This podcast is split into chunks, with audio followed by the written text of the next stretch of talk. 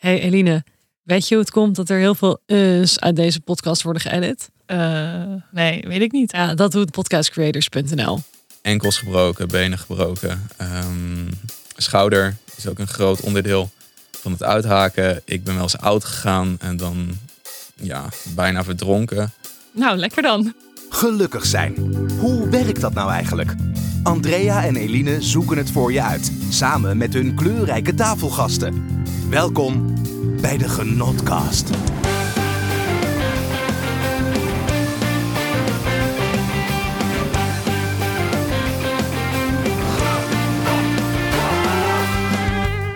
Hey levensgenieter, welkom bij aflevering 5 van de Genotkast. Tof dat je weer luistert. Oh Eline, ik denk dat ik vandaag een beetje nerveus ben voor het interview met onze gast. Oké, hoe komt dat dan? Nou ja, we hebben vandaag Steven Akkersdijk te gast en hij is kitesurfer op internationaal uh, topniveau. Maar die surfers die vind ik eigenlijk wel een, uh, een klein beetje sexy. Dat, dat nonchalante, dat on, ongrijpbare en dat vrije, dat is gewoon best wel aantrekkelijk.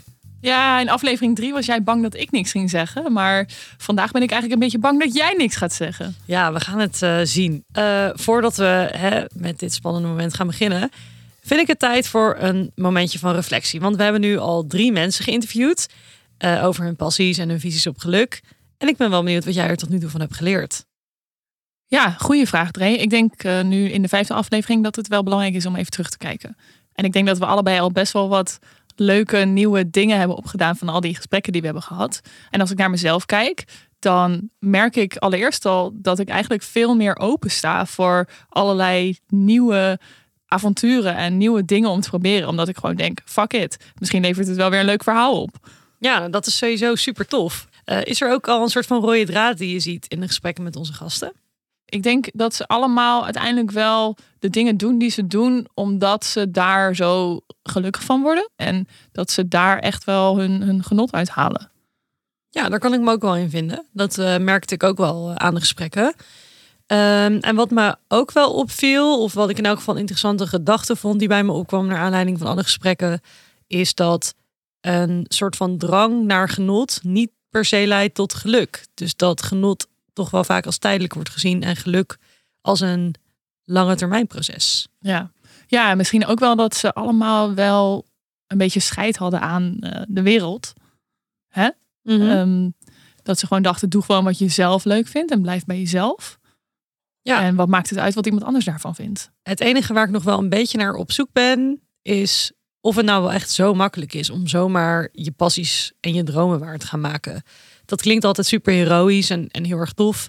Alleen denk ik niet dat het voor iedereen zo makkelijk is. Maar dat is iets waar we natuurlijk gewoon weer verder op in kunnen zoomen in de rest van het seizoen. Ja, en ik denk dat onze vorige gasten daar nu zo over kunnen vertellen, omdat het allemaal achter hun ligt. Hè? Maar dat heeft natuurlijk ook jaren gekost. Als je kijkt naar bijvoorbeeld Hidde, die heeft natuurlijk niet in één dag uh, bereikt wat hij nu heeft bereikt. Die is niet in één dag meester geworden. Ja. Dat ja, heeft en- natuurlijk jaren geduurd. En nu lijkt het alsof dat allemaal heel makkelijk is gegaan, maar hij heeft er ook heel hard voor moeten werken. Ja, en dat moeten we misschien ook niet vergeten, inderdaad. Is dat het volgen van je passie of ergens goed in worden. eh, iets leuk vinden is niet genoeg. Je moet ook echt wel de tijd in stoppen. Ehm, ja, weet je, ook als je op kantoor zit eh, of een bepaalde baan hebt waar je niet zo ontzettend blij mee bent, dan heb je nog steeds wel hard gewerkt om op dat punt te komen. Daar heb je de tijd voor in geïnvesteerd. Dus ja, dat voor het waarmaken van je dromen of van je passie eh, ook je beroep maken of daar heel goed in worden, dat kost ook gewoon tijd. Ja. En dan nog een laatste ding, wat me ook wel opvalt, en dat is misschien meer persoonlijk, maar is deze show niet een beetje een datingshow aan het worden? Eh, nou, jouw genotsmoment is wel een beetje een datingshow aan het worden. Ja. Maar ik vind het een prima hoor. Ik laat iedereen graag meegenieten van uh, mijn avonturen op dat gebied. Ja, en ik geniet er ook van. Dus uh, ga vooral zo verder. het is jouw segment. Hè? Ik heb er niks mee te maken. Maar ik weet niet of jij dat ook hebt. Maar als ik nu op dating apps zit als Tinder en Happen. Um, ik heb daarop wel een foto staan van dat ik in de studio zit. Dus dan gaan mensen toch al vragen van nou hey, uh, wat doe je daar dan precies? En dan kom je op het gesprek over podcasts. En dan gaan ze vaak ook die podcast luisteren. En dat vind ik dan toch wel een beetje ongemakkelijk. Ja, maar je kiest er zelf voor om dat op je datingprofiel te zetten. Zeker waar. Maar zeker wat vinden waar. ze er dan van? Wat zeggen ze dan tegen Vaak je? heel leuk. Dus het geeft ook wel weer positieve feedback. Uh, ja, hoe ik dat zelf ervaar. Ik moet eerlijk bekennen, ik was even klaar met al die apps. Ik weet overigens, ik heb me tot nu toe heel erg op de vlakte gehouden over mijn dateleven. Maar ook ik ben single. Maar Ook ik- Andrea date. Ook Andrea deed, maar ik ben er nog iets minder vocaal over geweest. Ik had ook gewoon even geen zin meer in. Eh, dus ik had al die dating apps van, me, van mijn telefoon gegooid. Maar eh, opeens had ik een Eureka-moment en dacht ik: oh ja, als ik nou Hinge installeer, dan komen mannen naar mij toe. Want als zij mij dan liken, krijg ik daar een berichtje van. Oh, hoe werkt dat dan? Ik heb die hele app niet, maar ik ben wel benieuwd. Ehm, ja, je, je- je zet daar foto's op en eh, je beantwoordt een aantal vragen over ja, hoe je in elkaar zit of hoe je naar dingen kijkt. En dan kunnen mensen eh, specifiek een foto liken of een tekstje wat je hebt geschreven. En ehm, daar krijg je dan een berichtje van. Dus je hoeft niet zelf te swipen om matches te krijgen. En dat beviel me eigenlijk wel het idee. Dus ik heb dat gewoon nu een beetje zo op de achtergrond draaien. En af en toe dan kijk ik even wat ik aan reacties binnen heb gehad. Eh, maar dat is ook pas een week of zo. Dus ik heb nog niet echt eh, met mensen over de podcast gepraat. Staat natuurlijk wel stiekem op mijn profiel. Dat ik Natuurlijk, natuurlijk. Ik had wel één iemand met wie ik dan gedate had, die expres niet naar de podcast ging luisteren. Want dat voelde voor hem toch als een soort inbreuk op mijn privacy. Oh, dat, voelde voor hem toch een beetje ongemakkelijk. oh, dat vind ik best wel sympathiek eigenlijk. Ja, ja achteraf ook wel. Ja. Maar ja, ik, ik snap wel, het klinkt voor onze luisteraar nu misschien wel een beetje alsof jij echt de hele week aan het daten bent. zeg ja, maar. is ook zo. Ja, op de avonden dat je niet een podcast maakt, ben je eigenlijk altijd op date, toch? Ja, ja. Oké. Ehm, ik hoorde dat datevermaak nog eh, een nieuwe host zoekt. Dus misschien kan ik iemand anders vinden voor deze podcast. En dan ga jij naar datevermaak. Ja, goed idee, goed idee. Nou, supergoed. Ehm, volgens mij is het gewoon tijd voor het volgende segment. Anders gaan we het weer veel te lang over daten hebben. Ehm, heb jij nog een beetje genoten de afgelopen week? Nou, laat ik dan maar niet beginnen over daten. Maar ik heb wel een genotsmomentje. Genotsmoment van de week. Andrea, heb jij van die weken dat eigenlijk alles goed lijkt te gaan? Mm, ze zijn niet super veel voorkomend. Maar er zijn wel van die weken dat je echt heel lekker in de flow zit. Ja, nou, ik had dus zo'n week afgelopen week. En dat voelt zo lekker. Dat gewoon alles in je leven in die week gewoon echt even lekker gaat. Met werk. Ik had wat nieuwe dingen uitgeprobeerd. Dat ging allemaal goed. Ik kreeg allemaal goede feedback. Eh, sport ging goed. Ik doe heel graag aan volleybal. En ik kan in een nieuw team. En ik heb daar best wel wat energie in gestopt. En dat, nou ja, dat, dat kwam er allemaal gewoon goed uit. Het kwam al, allemaal op zijn plaats. Ehm, en er was één ding, denk ik specifiek, wat me gewoon heel blij maakte. En dat was niet per se een gebeurtenis, maar meer een gedachte. En dat is eigenlijk het feit dat mijn moeder en haar vriend, of eigenlijk moet ik man zeggen, want ze zijn afgelopen zomer getrouwd, ehm, dat zij zijn verhuisd. Ze hebben een huis gekocht in eh Hartje Gorkum. Heel mooi oud pand, opgeknapt. En daar gaan ze nu met z'n tweeën hun oude dag spende- spenderen.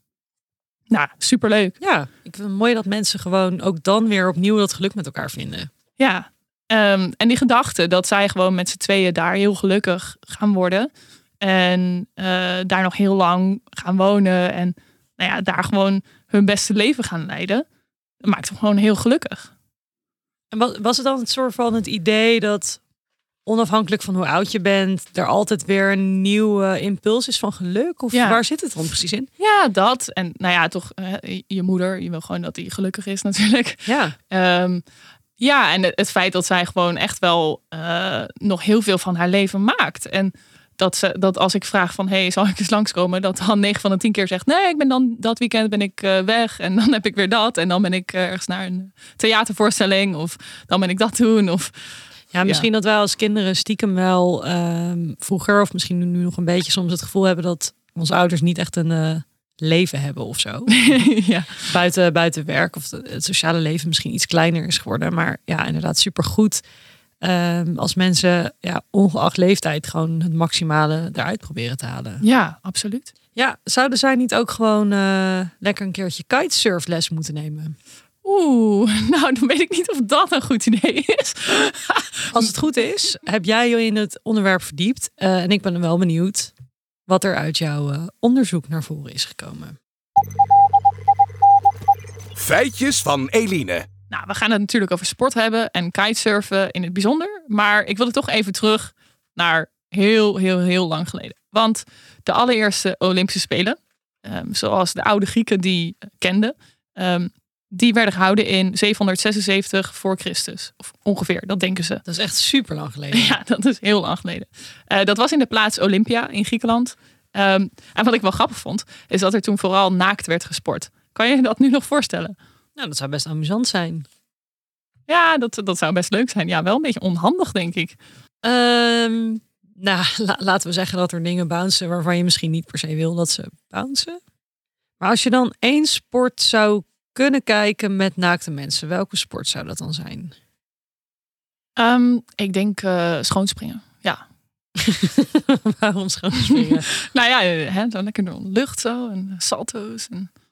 Gewoon een hele vrije, vrije boel. Laat alles maar lekker hangen. En welke sport zou het meest ongemakkelijk zijn om naakt te doen, denk je? Ja, ik denk toch wel iets van worstelen of zo. Of judo. Kun je dat aan de corona voorstellen dat mensen naakt met elkaar gaan worstelen? Nee, nee, maar dat deden ze toen dus wel. Ehm, hey, maar als we even teruggaan naar onze tijd. Hoe vaak denk jij dat Nederlanders gemiddeld sporten eh, per maand? Per maand? Ja, of Oeh. per week mag ook. Ehm, één of twee keer per week? Ja, het is nu 9,1 keer per maand gemiddeld. Dus dat is eh twee, eh 2,5 keer per week. Dat vind ik nog best wel netjes eigenlijk. Ja, maar het leuke is dus dat dat vijf jaar geleden nog maar zeven keer per maand was. Dus we gaan wel steeds meer sporten. Wat valt er onder sporten?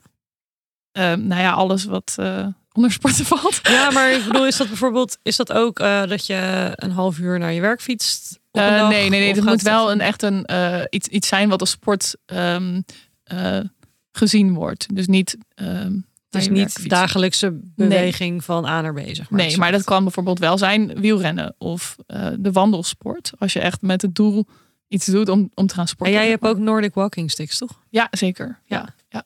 Nou, ehm, dat waren eigenlijk mijn eh, feitjes voor vandaag. Alright, nou ja, dan is het aan Steven om eh, eh, ons heel veel meer te gaan leren, ook over kitesurfen. Dus bij ons in de studio vandaag Steven Akkerstijk, eh, kitesurfer op wereldniveau en tevens content creator. Dus eh, Steven, welkom in onze studio. Ja, dankjewel. Leuk om hier te zijn. Ja, hallo, welkom. Ik heb eh, gehoord dat jij in een busje woont. Vertel eens, hoe is dat? Nou, gelijk met de deur in huis vallen. Hè? Ja, Ehm, ja, het is, eh, het is gedeeltelijk waar. Ik, ik reis heel veel en daardoor heeft het dus voor mij eigenlijk geen nut om een woning in Nederland te hebben. Ehm, eh, ik heb eigenlijk een bus gekocht omdat ik daarmee dus heel vrij ben in het rondrijden door Nederland, het zoeken van de juiste condities voor het kitesurfen.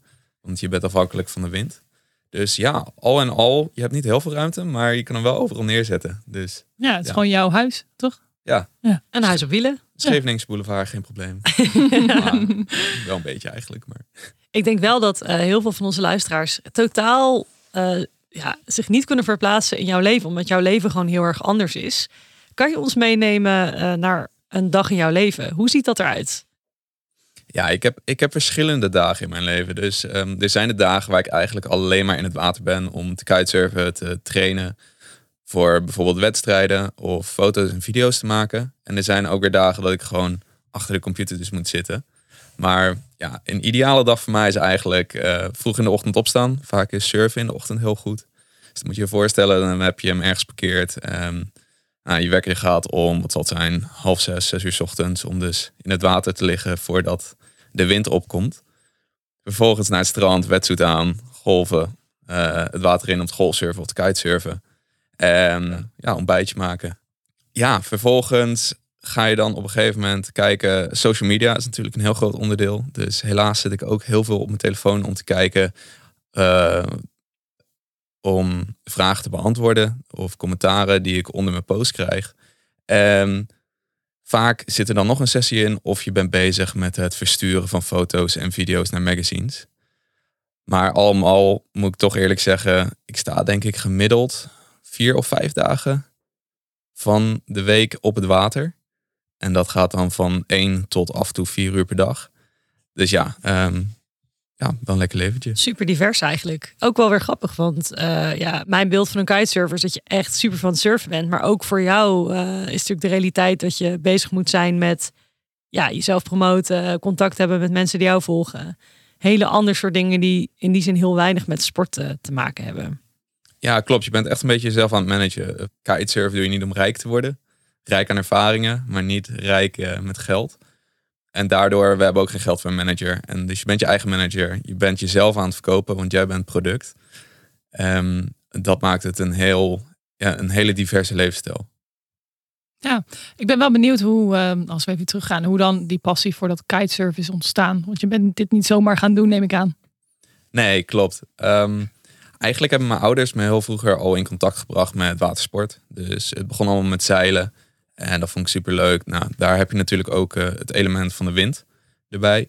Nou, op een gegeven moment is dat overgegaan in windsurfen. Helaas is mijn moeder overleden toen ik acht jaar was. En mijn neef heeft me toen een windsurfset gegeven. En daar heb ik toen echt al mijn energie in gegooid. Eh, energie, frustraties, emoties. eh, zoals je wel voor kan stellen. Het is gewoon een harde klap als je als jong kind dat krijgt. Ja. En windsurfen was mo- zo'n mooie uitweg voor me. Waar ik al mijn passie in, in op kon. En in vrij kon laten. Ik was gewoon lekker op het water. Ik was met mezelf bezig. En dat was altijd heerlijk. Gewoon escape from reality. ja. Ehm, uiteindelijk is dat een paar jaar later overgegaan in kitesurfen. Ik, eh, ik deed altijd heel veel sporten. En mijn pa die zag me op een crossmotor rondrijden. En dat vond hij net wat te hard gaan. dus ehm, in plaats van te zeggen van... Yo, Steven, ik denk dat dit geen goed plan is... heeft hij gezegd van... Hey, als jij je, je HAVO-VWO-stroming haalt... dan krijg je een kitesurfles cadeau. En hij wist eigenlijk al dat ik dat heel leuk zou vinden. Om jou van die motor Een af te hele, halen. hele goede Ja. motivatie. Ja. Ja. Ja, en toen kwam de ultimatum. Ja, motocross of kitesurfen. En toen was de, de keuze vrij snel gemaakt. Eh, jij beschrijft net ook dat het voor jou een uitlaatklep was eh, in een moeilijke periode in je leven. Waar, waar zit dat voor jou in? wat je hebt met, met water en eigenlijk de elementen, water en wind, is het verandert de hele tijd. Het is nooit hetzelfde. Geen dag is eigenlijk hetzelfde. Je kan naar Brazilië gaan waar het altijd heel gelijkmatig is, maar het is toch nog altijd weer net even wat hardere wind of wat vlagiger. Ehm, je, moet je, je moet je gedachten er de hele tijd bij houden. Als je nieuwe trucjes wil leren, moet je nagaan, oké, wat heb ik nou net fout gedaan? En eigenlijk je hele gedachtenstroom gaat dus naar dat eh, interpreteren van de wind en het water. Wanneer realiseerde jij je dat je echt wel heel erg goed bent in kitesurfen? Ik was altijd al wel, wel goed. Ik was iemand die na het lesgeven ging ik altijd kiten met de andere gasten. En ik heb heel lang ook lesgegeven in Friesland. En daar dus ook, nou, dan draai je een, eh, een lesdag van vijf uur. En vervolgens ga je nog wel even het water op. En ik weet nog wel dat we op een gegeven moment tot half twaalf op het water stonden. Het was donker, maar het was volle maan. Dus ik kon nog wat zien. Ehm, Dan ben je wel echt dol op de sport. ja, het, het, het was gewoon al onze passie. En dat was het leuke van, van daar zijn ook. En ik denk dat het toen al wel begon. Ik was al wel wat beter dan de andere instructeurs en ik pakte dingen heel snel op. En eigenlijk na school ben ik doorgegaan met dat lesgeven, omdat ik het gewoon zo leuk vond en zo mooi om mee bezig te zijn. En ja, van het een kwam het ander. Op een gegeven moment had ik zoiets van, nou ja, hier kan ik misschien wel wat mee. En hier kan ik misschien wel wedstrijden mee varen. En toen ik wedstrijden mee ging varen, toen behaalde ik ook hele goede resultaten. Hoe oud was je toen? Ja, de, de eerste wedstrijd die, die, die voer ik toen ik 16 was. En ja, de, de eerste echte wedstrijden van Red Bull winnen, dat was toen ik 18 was, 18, 19. Ik kan me voorstellen dat dat best wel een belangrijk moment in je leven is. Sowieso voor, voor alle jonge mensen. Dan ben je echt op zo'n leeftijd dat je bepaalde keuzes moet gaan maken. Ehm, was dat ook het moment dat je echt dacht, ik ga hier mijn beroep van maken. Ik ga gewoon niet verder studeren. Ik ga hier echt volledig ehm, ja, mijn leven aan toewijden eigenlijk. Ja, dat, dat was wel eigenlijk een moment waar ik, waarop ik de stap heb gezet om van het studeren af te gaan. Ehm, ja, na mijn HAVO afgerond te hebben, eigenlijk veel te makkelijk. En toen heb ik mezelf drie jaar gegeven om echt mijn passie te volgen. En daarmee dus ook eh, de wereld over te gaan om in de winters in Aruba, Costa Rica, Kaapstad les te geven. En na die drie jaar wist ik nog steeds niet wat ik zou willen studeren. Maar ik wist wel dat ik kitesurfen heel leuk vond. En dat ik een bepaald niveau had bereikt dat ik erin door kan groeien. En daar waarschijnlijk ook mijn geld mee kan verdienen. Ja, super tof wel. Eh, ik vraag me wel af, want het is in die zin niet de meest voor de hand liggende keuze. De meeste mensen, eh Eline en ik ook, die gaan natuurlijk voor een veilige keuze. Wij gaan doorstuderen. Ja. Hoe was het voor jou om die veilige keuze, om het zo te noemen, dan niet te maken? Voor mij was het wel eigenlijk heel simpel en voor de hand liggend. Meer ook omdat ik dus al in die kitesurfwereld zat. Ik verdiende er mijn geld mee. En het was dus alleen het, het idee van... oké, hey, na, je, na je middelbare school moet je doorstuderen. Maar ik had zoiets van, ja, als ik niet weet wat ik wil doen... waarom zou ik dat doen? En ik zag heel veel vrienden om me heen, zag ik ook... starten met een studie en dan halverwege afhaken. En had ik ook zoiets van, ja, wat heb je het laatste half jaar nou gedaan dan? Dus voor mij was het redelijk voor de hand liggend en makkelijk. En ja, als je nog niet weet wat je wil, dan lijkt het me dat je eerst moet gaan zoeken wat je, waar je nou echt interesse in hebt en wat je blij maakt. Is dat eh, in jouw optiek ook een basisvoorwaarde om gelukkig te kunnen zijn? Leuke dingen doen en dingen doen waar je, waar je blij van wordt, waar je warm van wordt, wat je passie is. Ja, zeker. En als je even kijkt naar, uh, ja, je had die keuze gemaakt tot het echt wat jij wilde, je werd er blij van. Um, betekende dat ook dat je eigenlijk het leven wat je daarvoor had, ook met misschien vrienden van school, dat je dat echt achter je moest laten? Ja, het is, het is toch wel apart. Want je hoort natuurlijk alle leuke dingen van, van dit leven. En je ziet uh, op social media zie je eigenlijk alleen leuke dingen. Maar ondertussen, je bent wel. De eerste keer dat ik wegging was naar Aruba. En dat was voor vijf en een half maand toen ik 17 was. Hm, heftig. Ja, dan ben je echt jong nog. Ja, ja en uh, je bent wel gewoon even vijf en een half maand weg bij je familie. Al je vrienden die je kent. Um, de enige persoon die ik daar kende was mijn baas. En daar had ik een uh, half uur lang op Skype mee gepraat. En zo ga je dan naar Aruba. Dus het is uh, zeker even wat anders. En door deze levensstijl is het heel lastig om vrienden in Nederland te houden. En het zijn ook echt. De, het is eigenlijk een soort filter. Dus de vrienden die, waar je echt wat mee hebt. En waar je, waar je mee op eenzelfde lijn zit, die blijven over. Want de rest die heeft. Daarmee loopt het gewoon niet. Je komt terug na, na een lange reis. En je moet echt zoeken naar onderwerpen om over te praten. En bij je echte vrienden waar je, waar je wat mee hebt, daar, daar loopt het gewoon. Het is alsof je ze gisteren nog gezien hebt. En dat zijn dan misschien de, de moeilijke kanten van jouw leven. Maar is dat voor jou, um, uh, speelt dat een grote rol? Of zijn er nog, nog andere dingen die je misschien minder leuk vindt aan, aan die leefstijl? Of? Ja, er zijn altijd, ik denk dat er altijd wel nadelen zijn. En volgens mij zit het ook wel redelijk in onze natuur om de nadelen als eerste te zien en daarover te gaan lopen, lopen zeuren. Dus vooral Nederlanders kunnen goed zeuren natuurlijk. en op social media vooral alle hele leuke dingen laten zien. Ja, ja, ja. ja het is vooral dat social media dat het een beetje doet. Um, ja, er zijn, er zijn zeker nog lastige dingen. En bijvoorbeeld het niet hebben van een huis. Het, het klinkt leuk. Maar als je dan bedenkt van oké, ik heb serieus echt niet echt iets wat voor mij is om naartoe terug te gaan. Dus um, je kan niet echt iets opbouwen in het buitenland. Want je zit in Airbnb en daar ga je gelijk weer uit. Maar de ervaring die je ervan rijker wordt. Um, dat is eigenlijk waar ik, me, waar ik net even over na zat te denken. Ik was op een gegeven moment in Costa Rica toen ik 18 was. Mm. Maar wat me heel erg opviel in Costa Rica is dat um, het hotel waar we zaten, dat de, de mensen die daar werkten, op een gegeven moment kwam ik dan door een dorpje heen en zag ik waar ze, waar ze in woonden. En dat waren serieus gewoon hutjes van plaatmateriaal. En die mensen die liepen elke dag met zo'n dikke glimlach op hun gezicht rond. Voor, voor wat mij leek, ze waren daar zo blij met wat ze hadden, omdat ze ook niet wisten wat het andere is.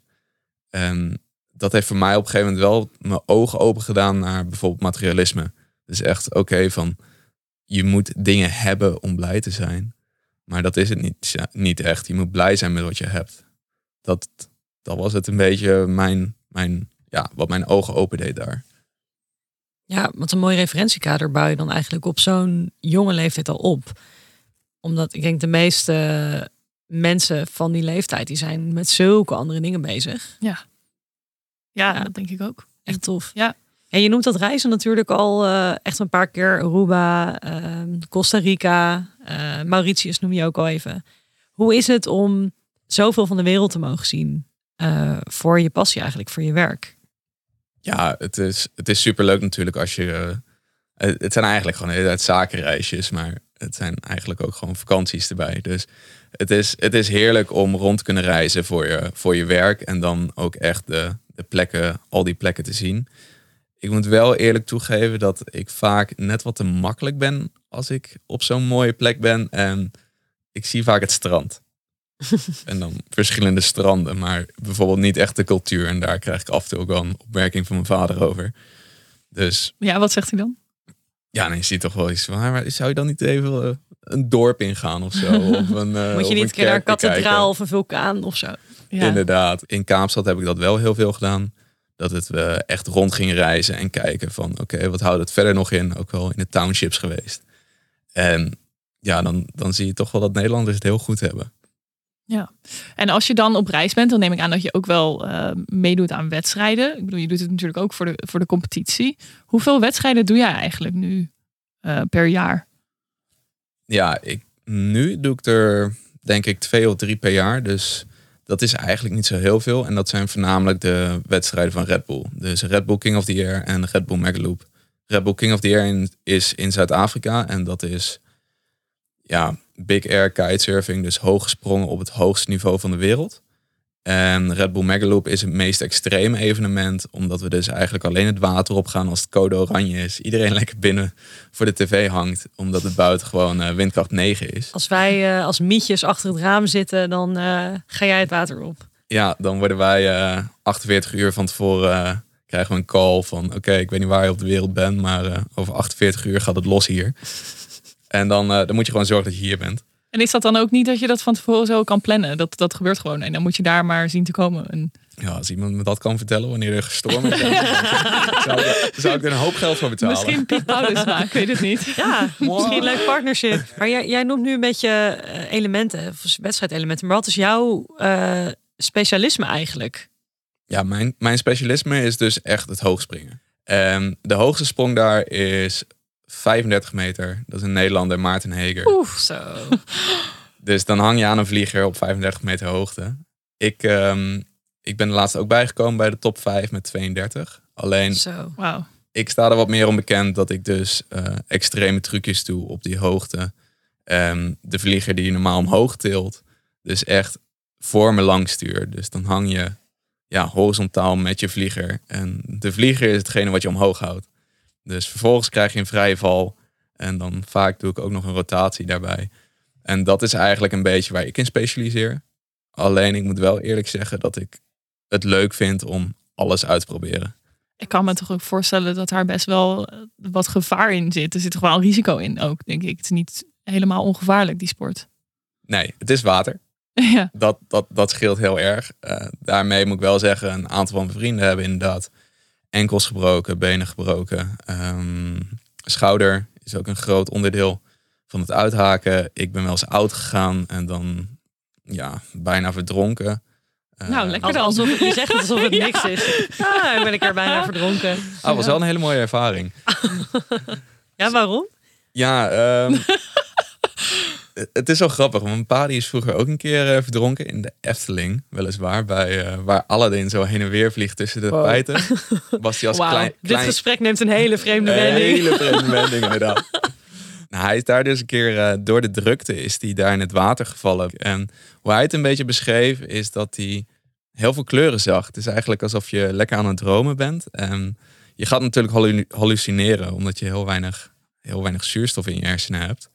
En ik had eigenlijk hetzelfde. Dus je moet je voorstellen, het waait windkracht 8 of windkracht 9.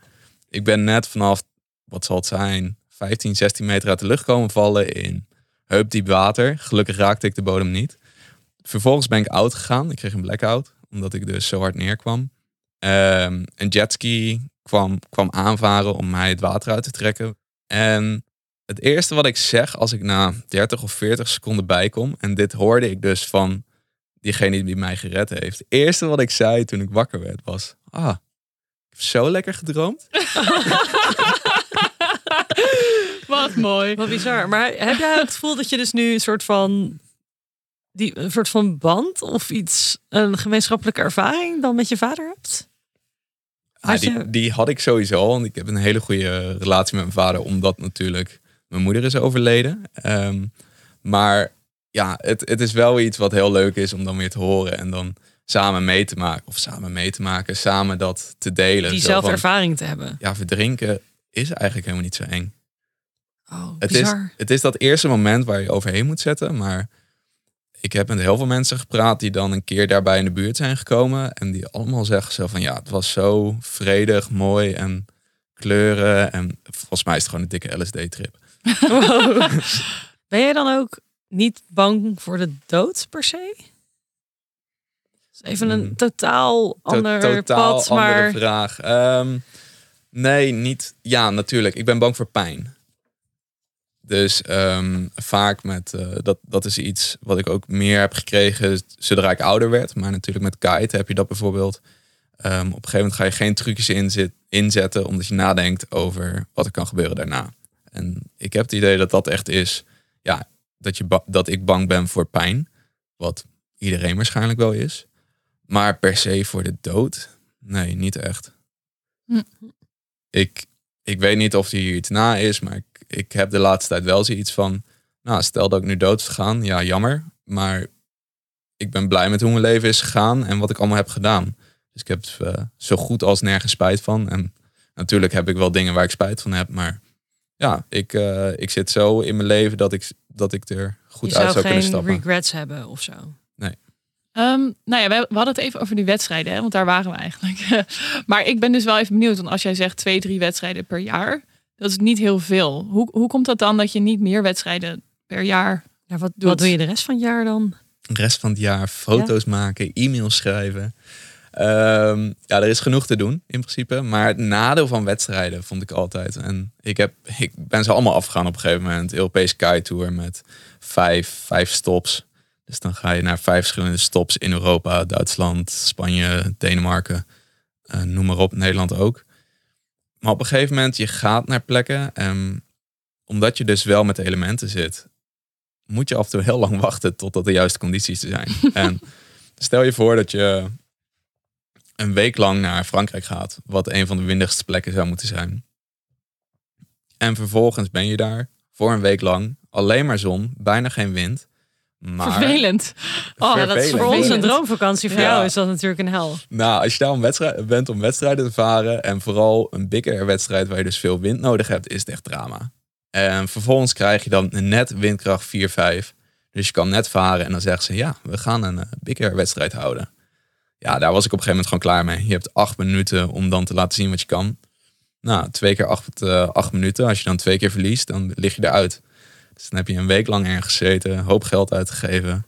Om dus elk moment van de dag op het strand te zitten wachten voor de volgende announcement. Was niet helemaal waar je op eh Nee, uit was. de- het, het is gewoon jammer en een verspilling van tijd, vond ik altijd. Ja, ik heb me door Eline laten vertellen dat kitesurfen een Olympische sport gaat worden. Kriebelt dat dan wel? Nee, ook niet. Nee, helemaal Nee. niet. Nee, ik was Nee. er echt benieuwd naar. 2024 volgens mij voor het eerst. Ja. Ja, klopt. Het is super vet, maar ik zou me daar niet toe kunnen zetten om dus echt acht uur per dag te trainen. En alles voor de Olympische Spelen. Nee, ja. Jij bent natuurlijk gewoon heel goed in wat je doet. Maar hoe zorg jij ervoor dat jij jezelf blijft uitdagen in deze sport? Ik denk dat het altijd is nieuwe dingen uitproberen. En kitesurfen is een, heel, een hele grote sport. Er zijn heel veel verschillende disciplines. Je kan bijvoorbeeld eh, verschillende boards varen, een golfsurfboard of wat tegenwoordig heel erg inkomt of begint op te komen is een hydrofoil. En het bestaat al heel lang, maar het is toch iets wat door ja, de laatste snufjes net wat vaarbaarder is geworden en toegankelijker. Ik heb wel natuurlijk je Instagram stiekem bekeken. En daar zag ik wel dingen op waarvan ik niet wist dat het menselijk mogelijk was. Ja, ja dat, dat zijn sporten uitbeoefenen tot, eh, tot in, de, in de puntjes, zou ik zeggen. Ja, gewoon alle grenzen opzoeken eigenlijk die er zijn. Ja, en ik denk voornamelijk eigen grenzen. Waar je, waar je, dus, zelf, waar je dus zelf mee bezig kan. En ehm, dat is ook wel Veel mensen die, die zien die sprong en die hebben zoiets van: je, je bent gek. Hoe, hoe doe je dat ineens? Ik bedoel, 20 meter hoog springen en dan nog een bepaalde rotatie erbij. Maar je moet natuurlijk wel indenken dat dit al iets is wat ik 13 jaar doe. En dus 13 jaar lang elke dag op het water weer nieuwe dingen uitproberen. En het zijn kleine stapjes, maar op een gegeven moment krijg je dus ook dat met windkracht 9. ehm, ik kan dan niet meer op het strand staan als ik mijn vlieger oplaat. Want ik word gewoon op loop- of hardloopsnelheid word ik meegetrokken. Omdat gewoon die vlieger heeft zoveel trekkracht. En ja, toch ben ik dan nog steeds in mijn comfortzone. Omdat ik heb het al zo vaak gedaan en ik heb er naartoe opgebouwd. Dus ehm, ja, het blijft altijd, altijd leuk spelen en je eigen grenzen verleggen. Ja. Ja. En even iets heel anders. Hè. Hoe ziet jouw sociale leven er op dit moment uit? Heb je überhaupt nog een sociaal leven? Ja, ik heb, ik heb zeker nog een sociaal leven. Ik, ik heb een hoop vrienden waar ik eigenlijk in het begin les mee gegeven heb in Friesland. En die zijn allemaal naar Scheveningen verhuisd. Dus het is altijd heel leuk. Die, eh, die doen allemaal wel een studie. En die zijn echt met het laatste jaartje bezig. Maar die maken toch elke keer weer tijd om dus te golfsurfen of te kiten. Is lunchpauze. Zullen we even het water in gaan? Ehm, ja, hun zie ik dus heel vaak als ik in Nederland ben. Mijn vriendin is helaas Canadees. En dat betekent dus ook wel in de laatste 4,5 maand dat ik haar dus niet heb gezien. Oef. Ja, Dat is lang. ja, zeker. Dus we zaten twee maanden vast in Mauritius tijdens de coronatijd. Waar we wel allemaal binnen moesten blijven. En eh, vervolgens zag ik natuurlijk social media. Dus ik zag alleen de positieve dingen uit Nederland. maar eh, mijn vrienden die lagen nog steeds wel elke dag in het water. Maar ehm, ja, die heb ik dus al een hele lange tijd niet gezien. Maar hoe, hoe past een relatie dan in jouw levensstijl? Want ik kan me ook wel voorstellen dat de gemiddelde dame niet eh, de hele wereld over kan met je. Ja, zeker. En dat, dat, dat is ook wel lastig. Gelukkig werkt zij als epidemioloog. Wel voor veekoeien. Dus eh, ze heeft Specialisme. Ja. specialisme in veekoeien. Maar ze kan eigenlijk alles doen over de computer. En dat maakt het dus heel makkelijk voor haar om mee te reizen. En ze vindt kitesurfen heel leuk. Zo hebben elkaar ook ontmoet. En dat maakt dat we samen dit leventje kunnen leiden. Dus ik denk dat we gemiddeld elkaar twee, drie maanden zien. En dan gaat ze bijvoorbeeld voor een maandje naar Vietnam. Want ze doet daar dan vrijwilligerswerk of Uganda. En vervolgens komt ze weer terug naar waar we waren. Ehm, en dat, dat maakt het eigenlijk best wel gangbaar. Ja, dus hij is eigenlijk ook wel iemand die heel erg van dat reizen houdt. En dat gewoon- Vrije leven. Ja, precies. Ja, niet, ik denk niet per se het reizen. Ik, ik hou ook niet van het reizen. Omdat ik dus elke keer zoveel troep mee moet zeulen. Nou ja, ook niet van het onderweg zijn, maar misschien wel in het ergens anders zijn. Dan. Ja, het, het, het zijn waar je, waar je eigenlijk dus je passie kan beoefenen. Want in Nederland is het gewoon te koud in de winter. Dan... Ja. Ik heb het heel veel jaren gedaan. En ik zou het nog steeds wel doen. Maar als je de keuze hebt om ergens anders heen te gaan. En laten we eerlijk zijn. Ehm, als je op, eh, op social media een foto ziet uit Nederland of uit Kaapstad. Dan krijgt hij uit Kaapstad waarschijnlijk een dikkere like. Ja, Kaapstad is fantastisch. Ja, Een hele en toffe plek. En aangezien ik mijn geld altijd verdien met de likes en de minuten bekeken en waar mijn foto's terechtkomen, is het dus ook in mijn eigen belang om naar die plek toe te gaan.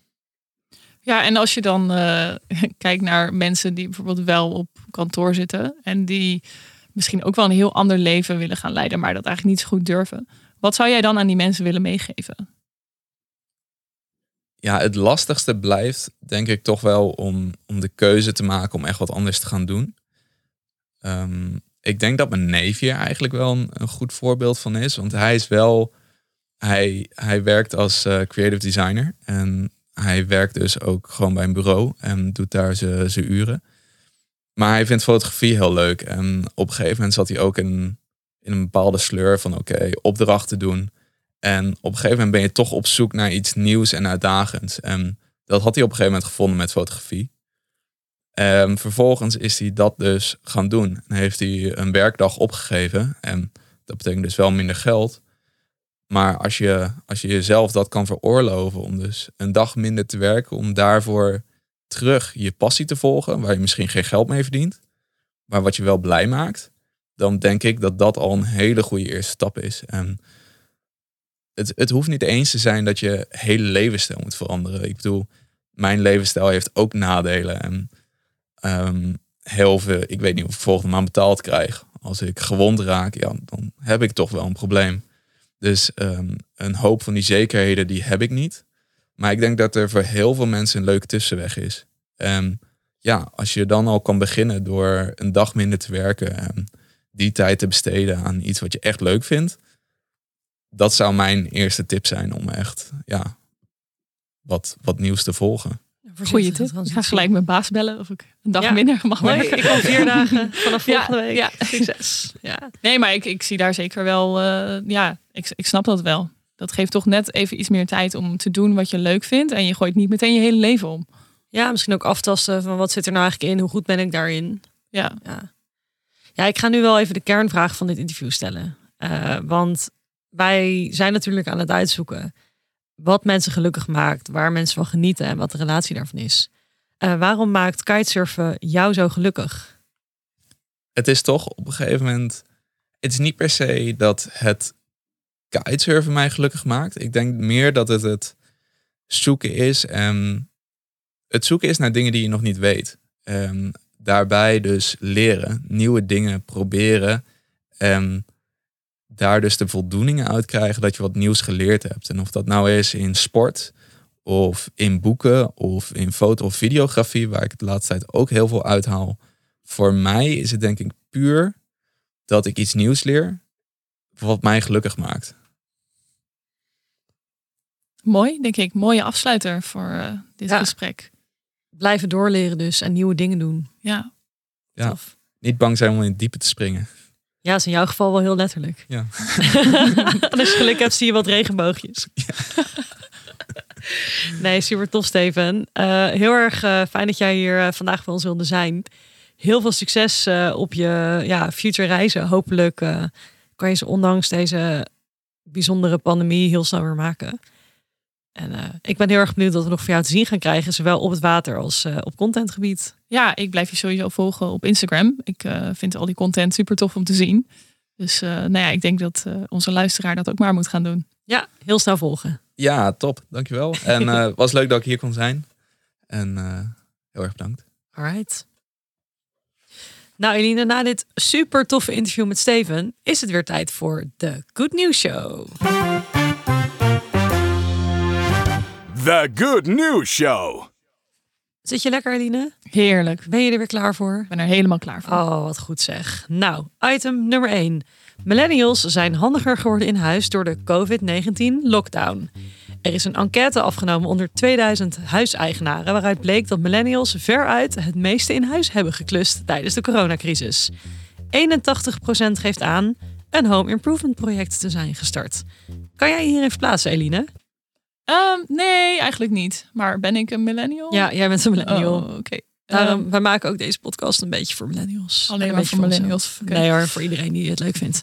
Maar jij hebt zelf nee, niet nee, eh, in huis geklust. nee, dat had ik daarvoor al gedaan. Ja. Ja, als je net bent verhuisd, dan is dat misschien een ander verhaal. Eh, ik kan me hier zelf wel in verplaatsen, want ik, heb, eh, ik had een extra slaapkamer over die ik heb omgetoverd tot inloopkast. En ik ben natuurlijk een eh, moestuin begonnen op mijn balkon. Oh ja, tuurlijk. Ja, ja. ja, dat is ook wel weer heel erg grappig. ehm, want je kan je misschien afvragen waarom tijdens de lockdown. 66% van de mensen die meewerkten aan dit onderzoek, die waren zelf gaan klussen om geld te besparen. En 49% geeft aan dat het echt een middel was om zichzelf bezig te houden. Ja, snap ik wel. Ja. Ja. Dus mensen zijn echt uit verveling gaan, eh, gaan klussen. De gemiddelde huiseigenaar heeft dus ook gemiddeld vier projecten opgepakt. Dat vind ik best wel veel. Wauw. Oké, maar een project kan ook zijn, eh, ik koop even twee nieuwe plantjes bij eh, de bloemenwinkel. En Ja, maar is dan dat, is, eh, is dat, is dat echt klussen? Is dat echt home improvement? Ja, weet ik. Ja, home improvement wel, denk ik. Maar Is dat home- is niet. Decoration.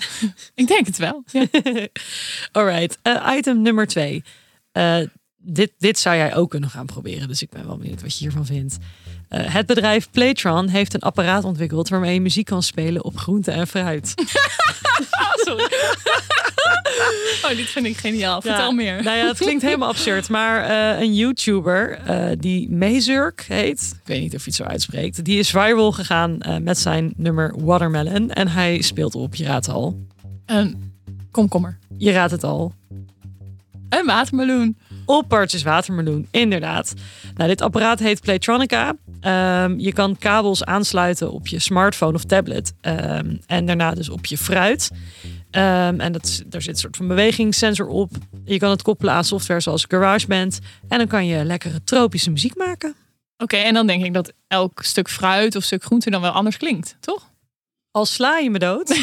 ik denk het eigenlijk gewoon niet. Nee, ik Ehm, wil meer weten, Andrea. Ik, Ja, dat snap ik. Dat snap ik. Maar da- dat is gecoverd. Want luister, ehm, wij hebben een nieuwsbrief. Elke keer als er een nieuwe aflevering live komt, dan breng ik eh, een nieuwsbrief uit voor onze luisteraar. En in elke nieuwsbrief zet ik vaak ook een filmpje dat iets te maken heeft met de aflevering. Ja, als je deze aflevering luistert en je hoort dit nu, dan ben je al te laat, want die nieuwsbrief is al verzonden. Maar daar staat dus een filmpje in van dit prachtige eh, instrument. Maar hè, om iedereen een beetje warm te draaien, zal ik er ook voor zorgen dat de komende week op onze Instagram-pagina @genotkast ook een link komt naar dit filmpje. Nice. Ik ga dit even uitproberen ook. Hoe zou een courgette klinken dan? Zou dat werken? Of moet hij echt heel sappig zijn ook van binnen? Ik denk, ik denk, denk een courgette lijkt me heel saai geluid. Terwijl ik- als ik dan denk aan een, aan een eh, ananas of zo, dat lijkt me echt heel vet. Ja, en ik denk dat een eh, courgette inderdaad misschien een beetje somber klinkt. En een ananas heel vrolijk. Ik, ja, ik ben wel benieuwd. Ehm, ik, heb, ik krijg nu zelf een beetje referentie naar Diep in de Zee van Ariel. Ja. Dat zou ik dan wel op, op een watermeloen of een ananas willen zien eh, gespeeld worden. Ja. Heb je dit nou thuis? Laat het even aan mij en Eline weten. Stuur ons een filmpje. En dan eh, kunnen we dit hopelijk eh, met iedereen delen binnenkort. Nou, leuk Trey. Nee, ik vond dit oprecht eh, een leuke aflevering van de Good News Show. In tegenstelling tot alle, alle andere. Ja, die waren helemaal ruk. Ja, nee, ik vond, dit, eh, ik vond het heel leuk. Ja, ik ga hier ook echt iets mee doen. Je gaat ook dit apparaat Ja. bestellen. Dat je Ja. niet alleen piano speelt, maar ook de Watermeloen. Playtron. Dat je ook watermeloen kan spelen.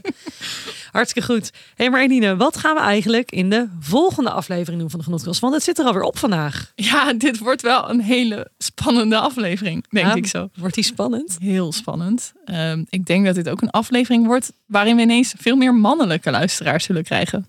Eh, dat kan ik me wel voorstellen, ja. Ja.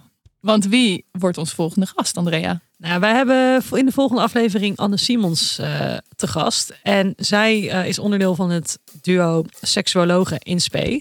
Dus we gaan eindelijk de naam van onze podcast echt eer aan doen. De Genotkast. De Genotkast. Ja, ehm, oké, maar Anne is dus seksuoloog, maar nog niet helemaal. Nee, maar ze weet superveel van seks. Oké, En interessant. wij gaan haar het hemd van haar lijf vragen over alles wat eh, met seks te maken heeft. Oh, ik moet gelijk weer denken aan aubergines en courgettes.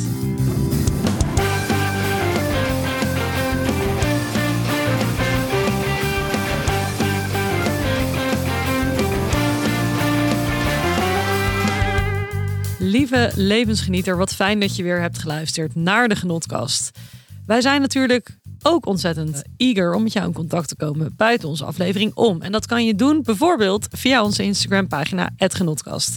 Hier plaatsen we ook regelmatig winacties en extra leuke feitjes van Eline, good news items. Het is één groot feest op onze Instagram pagina. Eh, Daarnaast kan je ons ook een berichtje sturen via www.genotkast.nl en daar kan je je ook inschrijven voor onze nieuwsbrief. En eh, vergeet je natuurlijk niet te abonneren. Dan krijg je altijd een berichtje als er een nieuwe aflevering live staat. En we zijn ook super blij als jij een review over ons wil achterlaten bij Apple Podcast. Dat zorgt ervoor dat wij goed gevonden worden en onze podcast aan nog meer mensen kunnen laten luisteren.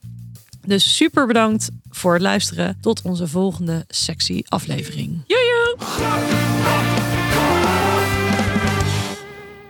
Weet je wat ik zou doen? Lekker abonneren.